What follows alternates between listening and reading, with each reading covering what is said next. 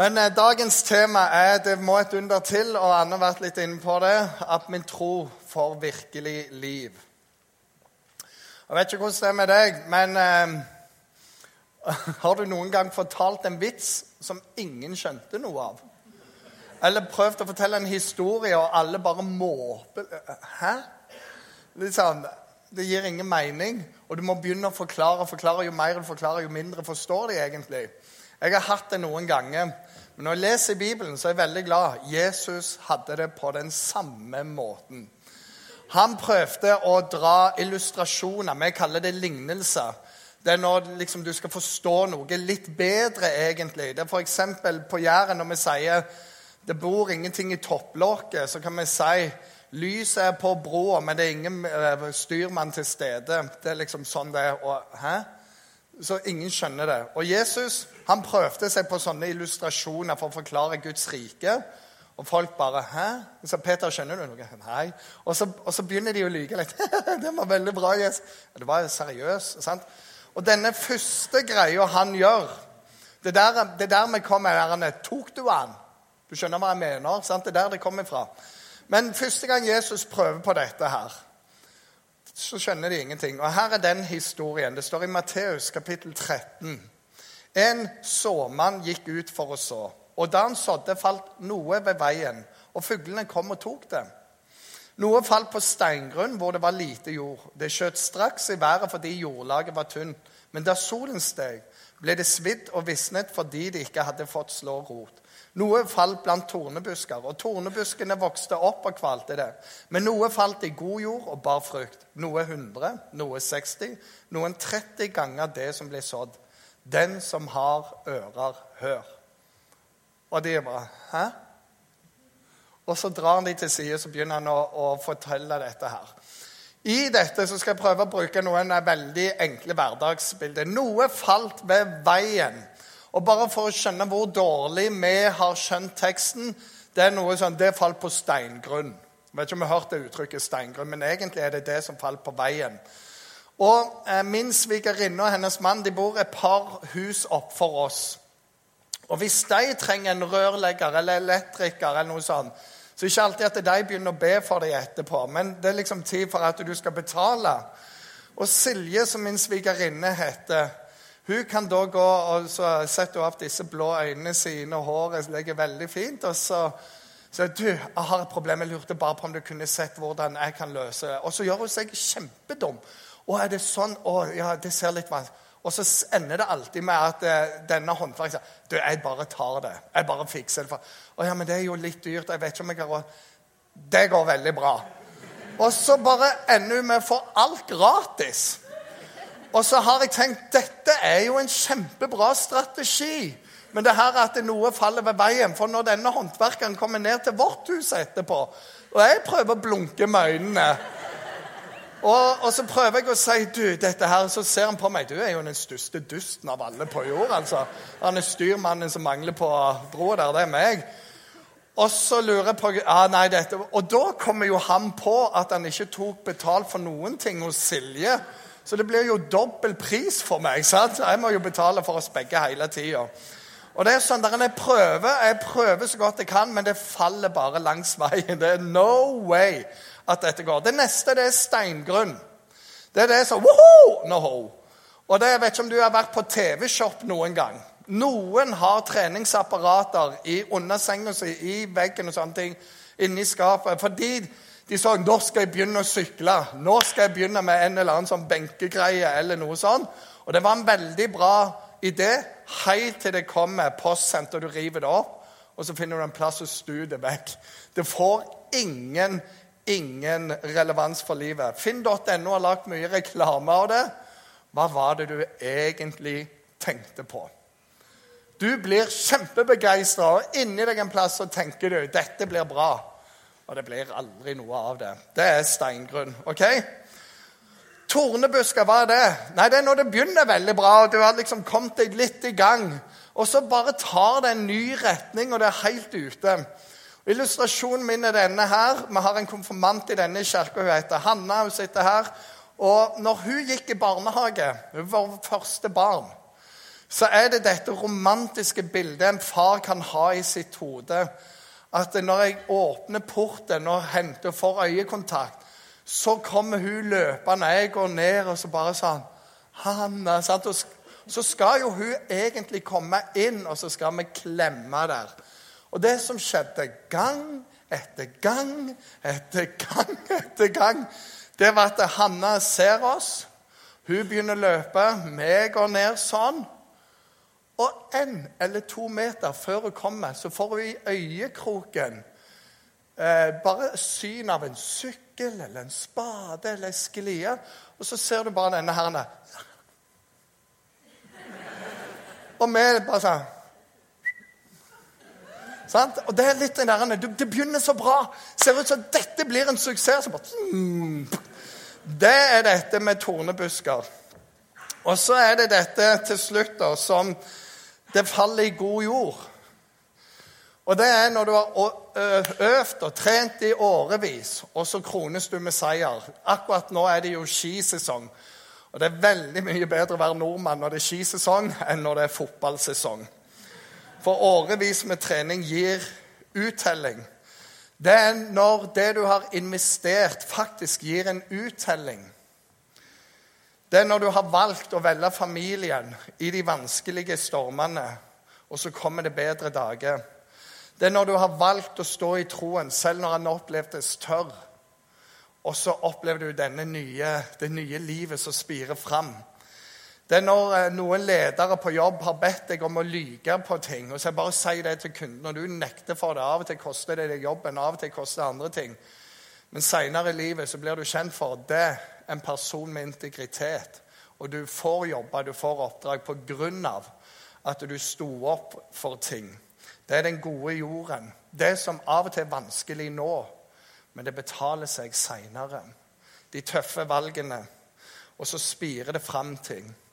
I denne lignelsen som jeg har fortalt, så, så, tenker jeg det er to veldig gode aspekter. To veldig, veldig gode. Den første det er at det er Gud som er såmannen.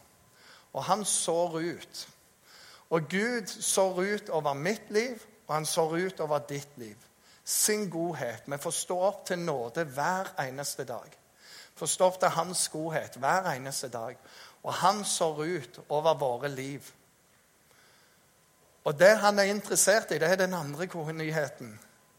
Det er at det i ditt liv og i mitt liv måtte noe av det han sår ut, falle i god jord. Sånn at det kan spire opp. For han har lagt ned et potensial i deg og i meg, sånn at når vi har de rette tingene rundt, så spirer det, så bærer det frukt. Så blir det til glede for oss sjøl, og det blir til glede for de som er rundt oss. Det er det egentlig dette forteller. Gud han står og sår ut i sin godhet hele tida. Det står 'med evig kjærlighet har jeg elska deg'. Derfor lar jeg min miskunn mot deg vare ved. Med evig kjærlighet. Han sår ut, han sår ut. Og håpet er at vi skal kunne ta imot det. Håpet er at det får maks uttelling i ditt liv. Av og til så står vi i veien for oss sjøl. Av og til så ødelegger vi for oss sjøl. Av og til så står jeg i veien for godhet som kommer min vei. Fordi jeg er lokka inn på et eller annet. Og Jeg kan gjøre valg som forringer potensialet, men han sår ut. Det står Han står for døren vår og banker på. Og så er det opp til meg å åpne. Og så er det valg jeg kan gjøre, som øker det potensialet. Men det handler mye om hjertet. Hvordan tar jeg det? Og så sier resten av lignelsen noe om jordsmonnet. Hvor lander det i våre liv? Noen ting er sånn Jeg er ikke mottakelig for det i det hele tatt. Det kan være erfaringer i livet som gjør aldri i livet. Og så kan det være forestillinger, noe du har møtt. Barnetro.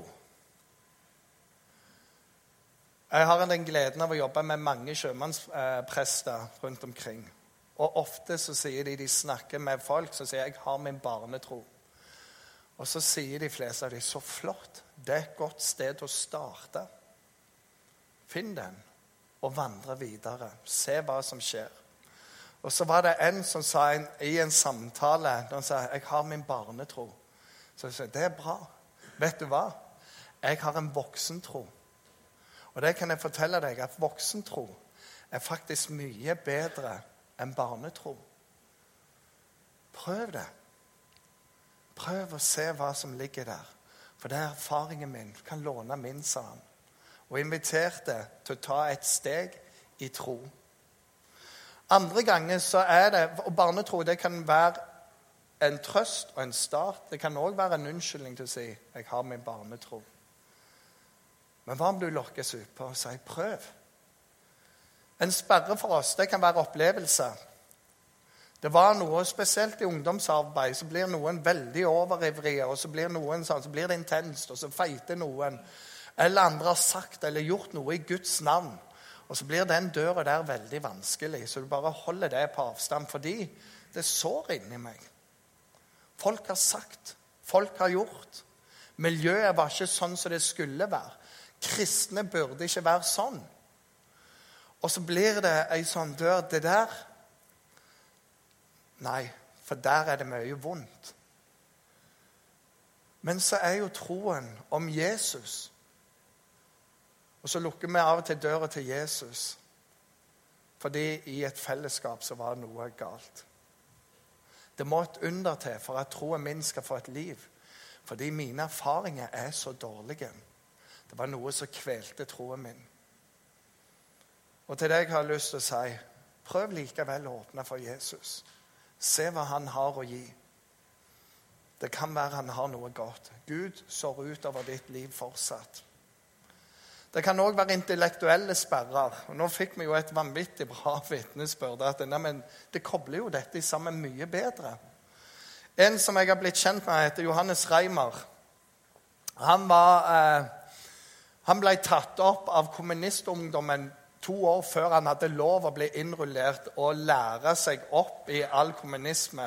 Fordi han var bare så ekstremt smart. Han var den yngste de noen gang har hatt. Han var en av de smarteste de noen gang har hatt. Og så var det bare det at Plutselig så møter han to kristne baptister som beskriver dem, og sa at de var ikke mye smarte i hodet. Eh, folk som er smarte, har av og til gaven av arroganse med seg. Han har sin del. De fantes jo ikke smarte, de her to baptistene. Men det var én ting de sa. For jeg argumenterte mot kristendom hele tida. Og så sa jeg ja, men har du lest Bibelen, da? Og Martin, nei, jeg har ikke lest den. Har du bare hørt om Bibelen? Så sier de du som er så smart, hvordan kan du holde på sånn som du gjør, uten å ha studert motstanderen nøye? Og det gikk inn på han. Så da måtte han finne seg en bibel. Og det var litt vanskelig i det landet hvor kristendom var forbudt. Og snart var han overalt og lette etter en bibel. Og Han ble kjent for det, og kommunistlederne de kom til han og sa du må slutte med dette. Han var 17-18 år og skulle ha tak i en bibel. Og så sier han til alle mener du at jeg ikke skal kjenne fienden, sånn at vi i kommunismens navn kan bare gjøre en enda bedre jobb? Nei, nei, nei, sa de. Til slutt får han en bibel, og han leser gjennom alt sammen flere ganger. Og så kommer han til tro. Fordi det han leste, det gjorde noe med ham. Så hvis du har disse intellektuelle sperrene Det er lov å gi Skriften en fair sjanse. Det er lov å lete i svarene istedenfor bare spørsmålene. Det er lov å ha en ny vinkel. Og ærlig talt skal du feite noe, så bør du vite hva du holder på å feite. Du må se det fra den andre sida òg. Så hva om du leser Nytestamentet? Les det et par ganger. Se hva som skjer. Anne snakker om det å bli påkobla. Det må et under til at troen får liv. Bli påkobla. Nevne at podkaster har hjulpet. Eller bibelgrupper, som vi må si fra nå av. Det er mye viktigere. Møtene, fellesskapet. Det betyr noe. Og det er noe med denne adventstida at vi venter på Han som skal komme. Og så er det noe med å bare sitte og la dette ta tid, men å gjøre godt. Gud er sårmannen. Han sår fortsatt ut over våre liv. Og min bønn for oss alle er at det mest mulig av det sårkornet skal falle i god jord hos oss. At de sperrene vi har, det de skal forsvinne litt. At vi skal ta et steg i tro og si OK, Gud, jeg gir deg en sjanse. Og så leste Jan Olav til å begynne med. Men alle de som tok imot ham, de ga han rett til å bli Guds barn. Og det er sånn at Hvis du ikke har en tro, så er troen sprang å ta imot. Det er ikke noe du må gjøre, for alt er gjort for deg. Det eneste som står igjen, det å si 'Jesus, jeg tar imot deg. Kom inn i mitt liv.' Og så er du en kristen. Og så begynner det en vandring der. Skal vi be sammen? Herre Jesus, jeg takker deg for det. At du sier det. Alle de som tok imot deg, de ga du rett til å bli Guds barn. Det hviler ikke på gjerninger, det hviler ikke på prestasjoner. Det hviler på det du har gjort, og vår egen vilje. Så takker jeg deg, for du ser meg, og du ser oss. Og av og til er det som du sår, det, det havner ikke der det bærer frukt. Men jeg ber for mitt liv, og jeg ber for våre liv. At det mer og mer av det som du sår ut i din godhet, det skal falle i god jord i mitt liv, sånn at mitt liv kan bære rik frukt.